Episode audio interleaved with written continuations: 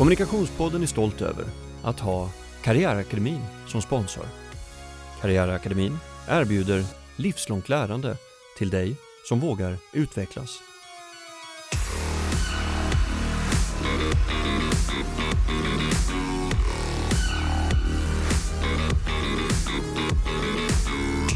Caremablöjor, coronavirus och minns du löpet när det stod att Malou von Sivers skulle ha smugglat in en VHS i trosorna genom tullen? Vad är det som är sant och vad är det som är falskt i medierna och det de rapporterar? Och är detta något som har ändrats drastiskt över tid? Staffan Dopping och Stig-Björn Ljunggren är aktuella med boken Inte lögn, inte sant. En bok som jämför verkligheten med medieverkligheten. Och nu är de här i Kommunikationspodden också. Eh, varmt välkomna! Mm, tack så mycket! Tack! Kul att ni vill vara här. Mm. Eh, jag tänkte, många känner ju säkert till vilka ni är men kanske inte exakt koll på vad ni gör i närtid. Vill ni ge en liten resumé?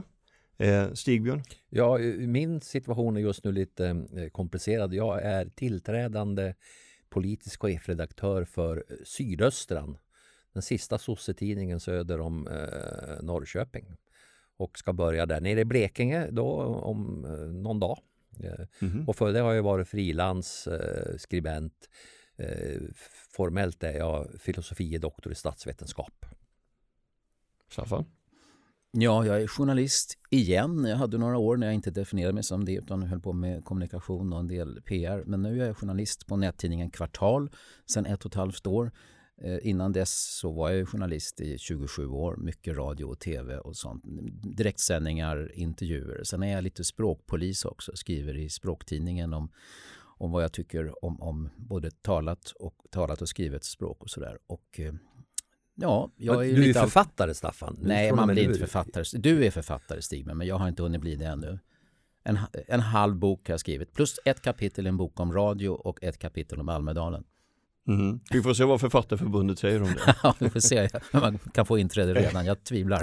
Exakt. Ja. Nitisk invalsnämnd. Ja. Nåväl. Eh, om boken då.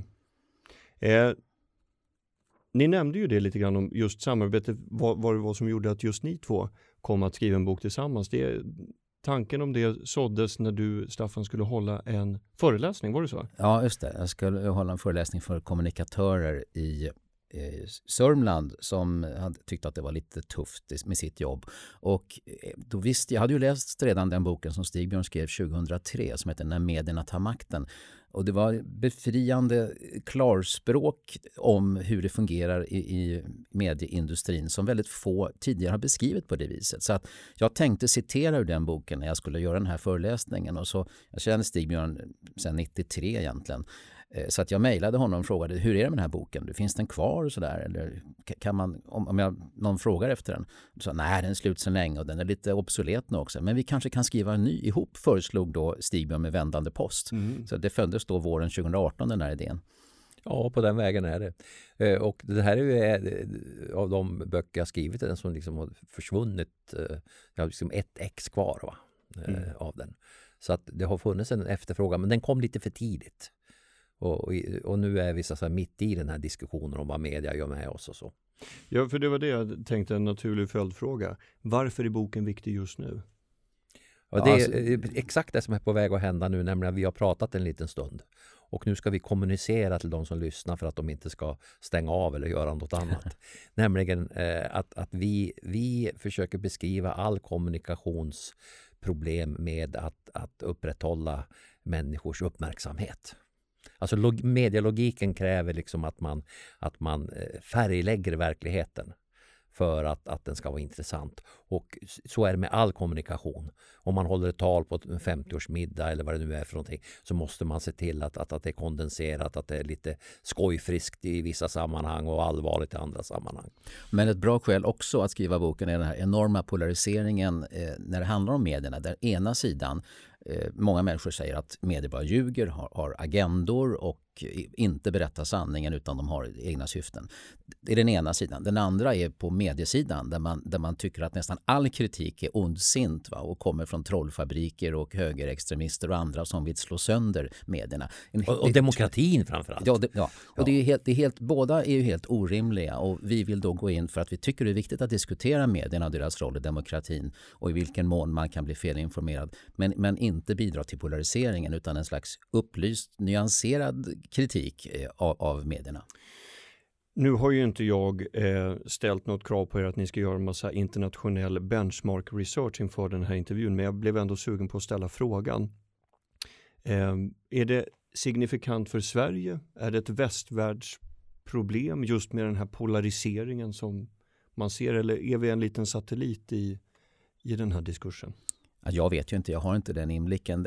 Jag vet inte Alltså när det handlar om, om, kritiken om att alla bara ljuger, det finns säkert överallt. Men när det handlar om den här obenägenheten att se egna brister och utöva självrannsakan, om det, den är dålig kan jag säga hos svenska medier. Jag, kan in, jag vet inte om den är bättre i andra länder, men det är i alla fall det är, en, det är ett delproblem i det hela.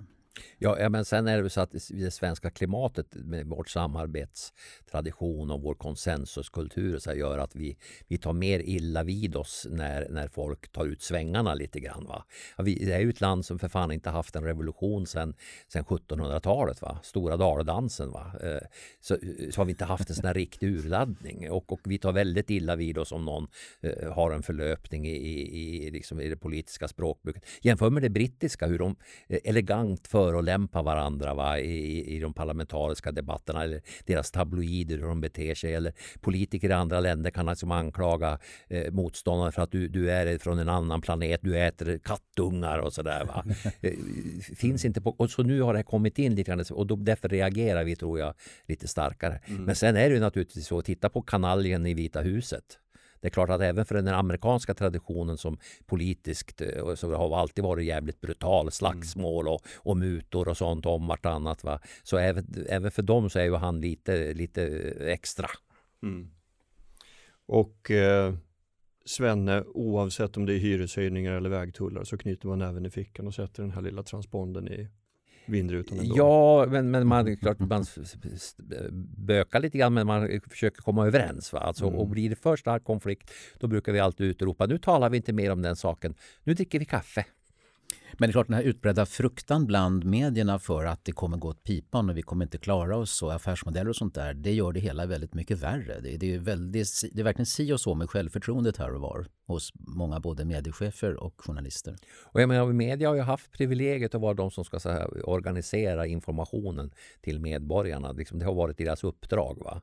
Och nu är det här någonting som tas över av, av andra, eh, av gemene man. att De här mellanhänderna försvinner. Eh, och det är klart att, att det gör ju att, att det här väldigt stolta yrkesgråt som har haft mycket att vara stolt över och, och, som är jämfört med många andra länder så är man ska vi ta svenska lokaltidningar, det är fantastiskt bra. Eh, så, så givet den här så att säga, förändringen så, så, och det här skrået är på väg att reduceras till någon slags eh, eh, vanliga lönearbetare, va? inte ens fast anställning. Vi försöker Så, vara både raka och empatiska eh, gentemot ja. alltså de som jobbar i den här industrin på samma Omöjlig gång. kombo, eller? Nej, jag vet, nej. nej, titta, nej, på, titta på boken. Ja, ja. nej, men det är väl det bästa man kan göra om man är ja. empatisk och talar om för någon hur, hur, hur det egentligen är. Mm. Eh, jag tänkte bara plocka upp det här eh, titeln på boken. In, inte lögn, inte sant. Ja, det bygger lite grann på research och mm. erfarenhet. Mm.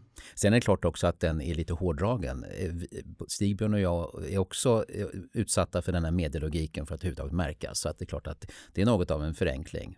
Men är det någon slags uppmaning? Att eh, när man ska läsa eh, och ta till sig information som mediekonsument, att man ska ha det förhållningssättet oavsett det här är inte lögn, men det är, men det är heller inte sant. Att det, det förmodligen är på det viset och framförallt om man har tagit del av den allra första rapporten, första nyheten eller artikeln om en sak mm. eh, som hände ganska nyligen kanske. Då är det klokt att inte känna sig färdiginformerad utan faktiskt tänka hmm, här finns det nog ett korn av sanning men det är nog inte hela berättelsen. Ja, och, och det här är ingenting som är speciellt för media utan alla människor som eh, är av kvinna född har någon gång, kanske redan i morse, så, så gjorde de så att de sa någonting som var sant men det var inte heller hela sanningen. Va? Eh, och de, det, men det är ju så vi fungerar som människor och medierna har ju detta eh, också som ett kännetecken. Alltså att ja, men det här är sant. va? Eh, eller som det står ibland i amerikanska filmer inledningsvis, based on a true story. Mm. Eh, så, visst, det, men det är klart att, att det är alltid någonting som fattas som journalisten kanske väljer bort, som journalisten inte känner till eller som journalisten inte förstår att det är relevant i sammanhanget. Eh, och man kan också av den som, det som man skildrar av, av de aktörerna kanske ha undanhållits någonting eller fått någonting som, som, eh, som var sant men det var liksom inte det centrala i det. Mm, ta Carema-blöjorna som du nämnde då. Mm, att de skulle mm. vägas för att eh, spara pengar. Eh, att de vägdes, det var inte lögn. Att det var för att spara pengar, det var inte sant. Mm. Och detta gör man så att säga. Detta var ingenting som de uppfann men att man väger blöjor ingår liksom i normal vårdrutin. Men gör inte det här väldigt mycket att eh, de som inte på en daglig basis reflekterar över sin egen roll som mediekonsumenter också helt naturligt blir kritiska till nyhetsförmedling också? Ja, alltså det, det, som är risken med det här är att det blir någon slags föreställning om att det aldrig är sant överhuvudtaget. Att det finns någon obskyr källa på nätet som egentligen sitter inne med sanningen. Eh, det är, det är ju inte den situationen vi vill ha, att man liksom ger upp hoppet om att det, vi, vi, kan skapa, skapa en, en rätt bra bild av verkligheten. Men det kräver att vi, vi kanske är lite källkritiska och har lite kompletterande källor innan vi får en, en, en sann bild. Jag menar, återigen ta ett sådant här vardagsexempel. Vi hör att, att det är någon i släkten som har bråkat och du får höra den ena parten beskriva vad som har hänt. Mm. Jaha, så tar du kontakt med de övriga och då får du en mer nyanserad bild. Det är nästan alltid så.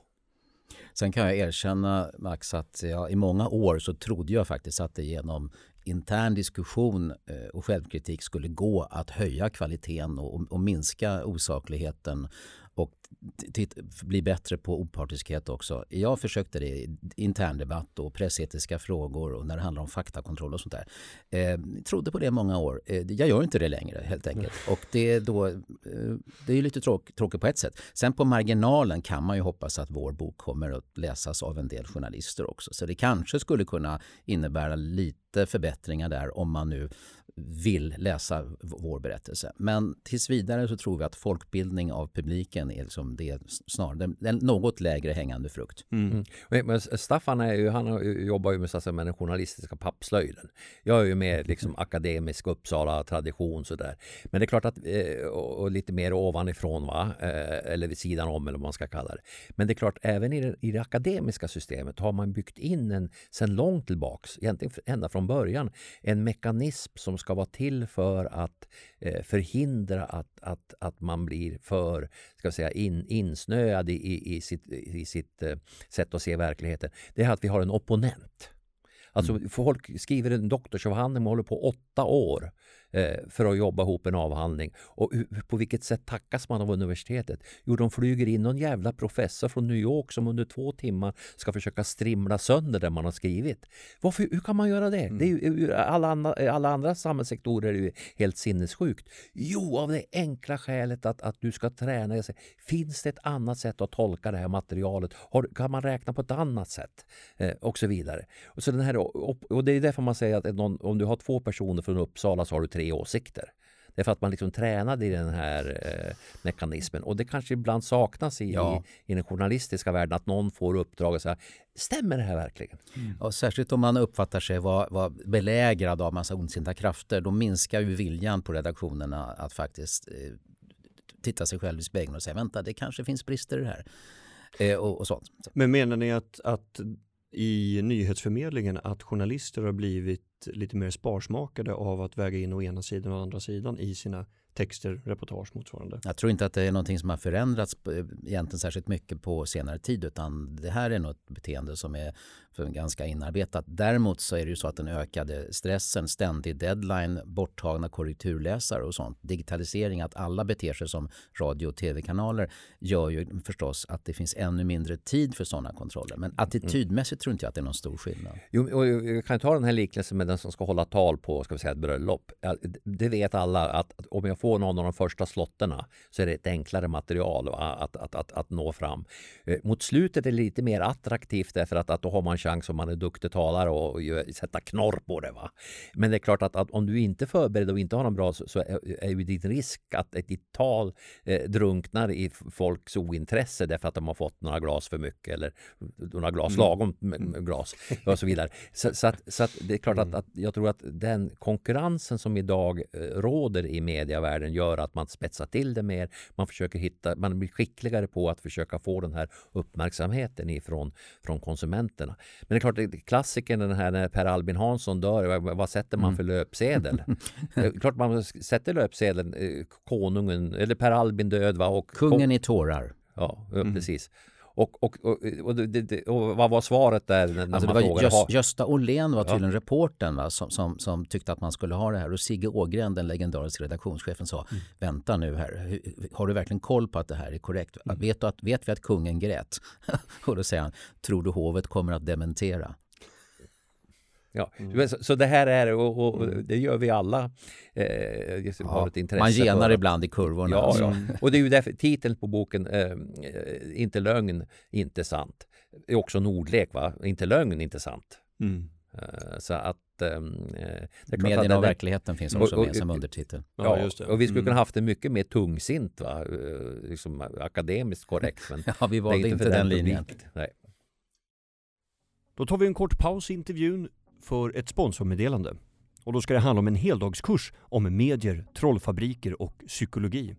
För var går gränsen mellan opinionsbildning och informationspåverkan? Idag måste ju varumärken så att säga stå för något och tydliggöra sin värdegrund. Hur ökar det risken för att bli utsatt för informationspåverkan? Har din organisation vad som krävs för att identifiera och möta informationspåverkan och vet du om när du själv kanske blir påverkad i en riktning som du själv inte ens bestämt. Karriärakademin erbjuder en heldagskurs med kursledaren Anton Liv för dig som arbetar som journalist eller kommunikation eller inom medier. Gå in på karriärakademin.com och läs mer. Men jag tänkte prata lite om det här med fake news. Alltså, för jag märker ju själv att jag blir mer misstänksam av debatten allt eftersom åren går nu.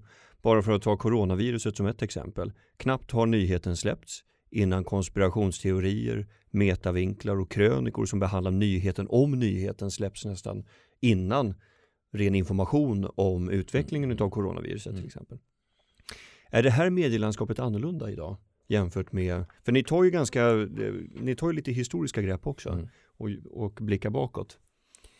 Nej, jag skulle säga att, att det alltid funnits eh, kring faktiska händelser så spinner det snabbt loss med, med eh, olika typer av, av, av, konspirationsteorier, vem som egentligen ligger bakom och, och, och så. så, att, så det, men det som händer är ju idag att dels eh, har folk genom att man är lite mer påläst, mer eh, kunskaper, möjligheter att ta åt sig av andra konspirationsteorier och föra över dem på ett, ett nytt område. Och sen så får de mycket snabbare spridning. Förr var det ju så att säga mer skvallret. Va? Eh, jag säga. Men en skillnad är ju att de här som skrivs på Instagram och Facebook där folk fantiserar det, även om det sprids mycket mer än när vi inte hade sociala medier så finns det ett överintresse från traditionella medier för vad människor skriver på sociala medier. Det händer till exempel att, att en hel artikel i Expressen eller Aftonbladet bara bygger på några eh, kommentarer på Instagram.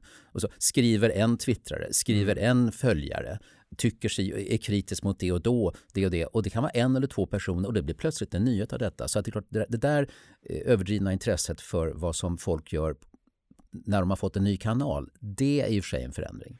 Ja, och jag, jag tänker också en, bara en helt elementär iakttagelse att jag som mediekonsument går in på Facebook. Där prenumererar jag på, låt säga DN eller Svenska någon större dagstidning. Och de skriver om, vi säger nu coronaviruset för att ta ett exempel. Och så ser jag det i mitt flöde. Eh, och sen så scrollar jag eh, ett kvartsvarv med tummen. Och där så ser jag plötsligt eh, administratören från någon källkritiksida som har suttit i sin gillestuga i två veckor med oceaner av tid och jämför olika artiklar med varandra och säger att det här är inte sant. Det är det som du precis scrollade förbi och likade. Mm. Mm. Ja, jag, att det är ett sånt hopkok liksom ja. och att man eh, distributionen kanske gör, ni, ni får gärna liksom tycka tvärtom, Jo, men att distributionen gör också att man blir mer kritisk. Ja, men För du du, får- du, du ja, har ja. belackarna och sanningssägarna Ja. på samma plattform. Ja, ja, precis. Och det är lite nytt, va? Alltså, att det är så Mm. lättillgängligt. Dessutom, och det är kanske är det allvarligaste i det här, det finns inte längre någon sanningssägare som du kan lita dig på. Det, troligtvis så, eh, din präst, prästen i byn, eh, du- om du ens vet vem det är, så, så, så är det ingen, eh, lärarna, eh, professorerna, det finns alltså ingen eh, ska säga, instans i dagens samhälle som liksom vi, vi, vi, eh, vi tror inte på Gud heller. Va? Så, så att det finns ingen sån här liksom, fyrbåk va, kring, kring vilken vi kan skulle möjligtvis vara Leif GW Persson som ibland får inta den rollen. Mm. Jo, nej, jo, det, så kan man säga. Om jag får opponera på mig själv nu som en sann eh, Uppsalabo. Det som händer är att vi har ingen fast sån fyrbåk. Men vi, vi börjar anlita då det man ibland kallar för lotsar. Va? Som, som, som vi, men det, gäller kriminalfrågor eh, och, man, och det pratas om att man ska gripa mördaren eller eh, man vet vem som mördade Olof Palme. Mm. Vad säger Leif GW? För där, på, på det området vet jag att, att han har har någon slags auktoritet och kan oftast på ett klatschigt sätt eh, sammanfatta liksom faktaläget. Och det, gör ju, det är möjligtvis räddningen i det här när du scrollar och inte riktigt vet. Men finns det någon i den här, på det här området som du kan lita på? Eh, vad skriver Economist? Mm. Eh, eller vad säger Wolodarski på söndag? Eh, beroende på vilken man har som, som Men det finns någon slags hypernervositet som jag tycker präglar hela atmosfären just nu i samhället. Och, och det, I och med att det inte finns så många spärrar på grund av alla dessa gratismedier som vi alla har tillgång till så, så blir det väldigt annorlunda. Det, jag undrar om man kommer, jag kan inte ens tänka mig hur man kommer se på det om 20-30 år men det är en väldigt speciell fas vi lever i nu. Ja, jo, onekligen. Eh, mediekapitalister anställer mediekommunister och det är lite märkligt, står det i boken. Vill ni förklara de här två En av olika- 91 teser. Ja, jo, men det, precis, nej, men det kommer ju. Det är ju kul upplagt på det ja, sättet. nej men alltså det, är väl två iakttagelser när de här mediekritikerna drar igång. Så det ena är att alla journalister är för fan miljöpartister och kommunister allihopa. Va? Ja, vänsternissar. Eh, Det är det ena. Den andra är från då vänsternissarnas håll och från det. Så bara, ja, men det är, det är de här kapital, kapitalstarka eh, mediemogulerna, va? Alltså mediekoncentrationen och så vidare. Och så där håller de på och gläfser på varann. Och vi säger väl, tror jag väl, att, att bägge har sant eller har rätt. Ja, Ja. just Så, det. det- så de här kapitalisterna anställer Inte lögn, inte lögn. Ja. Varför anställer inte kapitalisterna borgare? Och därför att borgare eh, förstår inte medielogiken utan de är ju rätt nöjda med att, eh, någon som skriver reportage om senaste golfresan och sånt där. Va? Med, Medan media, medielogiken kräver lite mer tillspetsning, ifrågasättande och så vidare och då blir de här, eh, de här aktivisterna lämpligare. Ja, vi, vi tror inte att eh, politiska preferenser hos journalisterna är direkt märks i, i artiklar och nyhetsvinklar och sånt. De kan finnas de här preferenserna. Det är förmodligen inte exakt som svenska folkets eh, variation där. Eh, men medielogiken är så att säga den, den starka faktorn och därför kan det då leda till bland annat att det ser ut som om det är vänsterlutning på saker och ting. Vilket det alltså mycket väl kan vara, på, på, men inte av de skälen som många tror. Hur, hur menar du som många tror? Ja, många tror helt enkelt att om det är en hög andel eh, socialister och, och eh, miljöpartister som, som arbetar på, på en redaktion då kommer det att bli biased i, i artiklarna av det skälet. Jag skulle man då anställa centerpartister istället så skulle det bli mycket mer. eh, eh, Men, men även en centerpartist måste när han håller tal på en, på en bröllop försöka spetsa till det om han inte vill försvinna i brus. Ja, just det. Folkbildning krävs för att mediekonsumenterna inte ska förlora sig i det ymniga informationsflödet. är ett annat påstående från boken. Ja. Vem ska vara huvudman för den här folkbildningen? Ja, vi, sitter, vi sitter ju här? Ja, Stigen och jag. Ja, nej men alltså det, det här är väl det- problemet med demokratin. Mm. Att den vilar ytterst på medborgarna själva. Det finns liksom inte någon, någon som kan gå in och, och stötta det där. Man kan ha ett författ, författningsskydd va? Men, men det räcker inte om, om medborgarna själva på något sätt inte bär upp det. Och så är det här också att vi har var och en får ha ansvar för att, att själv eh, skaffa sig en, en rimlig bild av vad, vad verk, hur verkligheten är beskaffad. Det är klart vi hoppas på att, att fler tar upp den här tråden så att eh, vi, det räcker kanske inte med vår bok här men, men eh, om vi kan få till en, en diskussion där man, där man förhåller sig till, till mediernas roll, uppgift och problem på ett, ett, lite mer nyanserat sätt så, så kanske vi kommer fram till någonting. Man, det finns ju massor med, med ideella organisationer och, och ABF och, och, Röda Korset och eh, allt möjligt. Mm.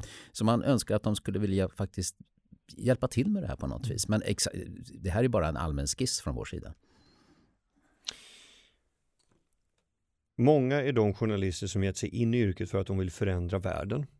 Det kan nog alla som har gästat en, en föreläsning på JMK vittna om att det, den koncentrationen är på sina håll ganska hög. Eh, vad gör det här med nyhetsbevakningen? Ja, den får den här aktivistiska prägen. Att, att, alltså, eh, lite tillspetsat, alltså en journalist för det första ser sig själv som någon som står utanför makten. De är inte en del av makten själv. Och de blir upprörda när de förstår att folk tycker att de är för fan mer insyltade i makten eller lika mycket som vem som helst. Ja, så det är det första, eh, står utanför makten. Det andra är att de här makthavarna som journalisten ska granska är uppdelade i två grupper. De som är avslöjade och de som ännu inte är avslöjade. Och det är klart att, att den, det gör ju då att, att en journalist kastar sig in i, i bokföringen för, som kommunens politiker har och, och eh, letar efter någon typ av kvitto som gör att man kan sätta en skandalrubrik. Eh, och då, eh, och det minsta lilla så gör man en rubrik på det. Hittar man inte detta, då rapporterar man det inte. Och det är klart att då blir det eh, bekräftelse av den gamla huvudregeln om att, att om en hund biter en brevbärare står det inte i tidningen men om brevbäraren biter hunden då står det i tidningen. Det blir till och med viralt om någon har filmat detta. Va? Och det är klart att problemet med det här är inte att vi, det är intressant eh, att läsa om sådana eh, extraordinära händelser. Utan problemet uppkommer när folk tror att världen består av brevbärare som går runt och biter hundar. För så är det inte i verkligheten. Och det handlar ju om vad som är högst status också inom medierna och då är ju den högsta statusen hos de som har, håller på med undersökande journalistik, granskar och avslöjar skurkar och avsätter chefer och statsråd och sånt där. Eh, och det, det, behövs ju granskningen eh, men det behövs också faktiskt lite mer nykter eh, rapportering om saker och ting som händer, inte bara det som, som, som grävs fram. Eh, vi skriver ju om att, att referera, helt enkelt beskriva det man känner till har hänt eller det man ser har hänt till exempel i en rättegång, det har inte hög status. Eh, det, det, det, säger folk så här, det där kan TT göra, ungefär som att det är ett väldigt enkelt sekreterarjobb att bara skri, att referera. Medan granska och numera tolka, att tolka verkligheten inte, eh, och ibland spekulera om vad som kommer hända framöver. Ofta får ju utrikeskorrespondenter som har ett jättetufft jobb, förutom att de ska klara av att ta reda på vad som har hänt, att göra reportage, intervjuer, eh, förbereda direktsändningar, klara av logistiken, så ska de dessutom få frågan, vad tror du kommer hända imorgon? frågar Ankar till Stockholm. Eh, det är rätt orimligt. Så mm tolkning och granskning är högsta status. Jag tycker att referera är en viktig del av journalistiken och skulle önska att den också hade en hög status. Du sa eh, vid något tillfälle nu i intervjun Staffan att du hoppades också på att vissa journalister kanske skulle vilja läsa boken. Mm. Är det så att de inte ser sig träffade av teoremen som byggs, som lyfts fram i boken. Det är lite tidigt att säga. Jag har ju hittills inte någon eh, respons av någon journalist som har läst hela boken och sagt någonting. Så jag vet faktiskt inte. Mm. Har du fått någonting Sigbjörn? Nej, det är rätt tyst. Men så det brukar det vara när man rör vid ämnen som, som eh, på något sätt är känsliga. Det är inte alltid så att, att det bara höjer temperaturen utan, utan snarare någon slags eh, repressiv tolerans. ja, det kan ju ändras så småningom. Va? Men, mm. ja. Men vi märker ju när vi är ute och pratar om boken och, och, och sen långt innan vi skrev den också att, att det här är någonting som engagerar människor. Så att, så att eh, det är inte så att vi har skrivit åt någonting som är obsolet utan det är snarare mitt i orkanens öga. Journalisterna kommer kanske i en senare fas möjligen. Medan publiken verkar intresserad direkt. Mm. Um, jag är tacksam för att ni har skrivit boken. Mycket intressant. Eh, Staffan Dopping och Stigbjörn Ljunggren aktuella alltså med boken Inte lögn, inte sant. Eh, stort tack för att ni ville vara med i Kommunikationspodden. Mm, tack, tack så mycket.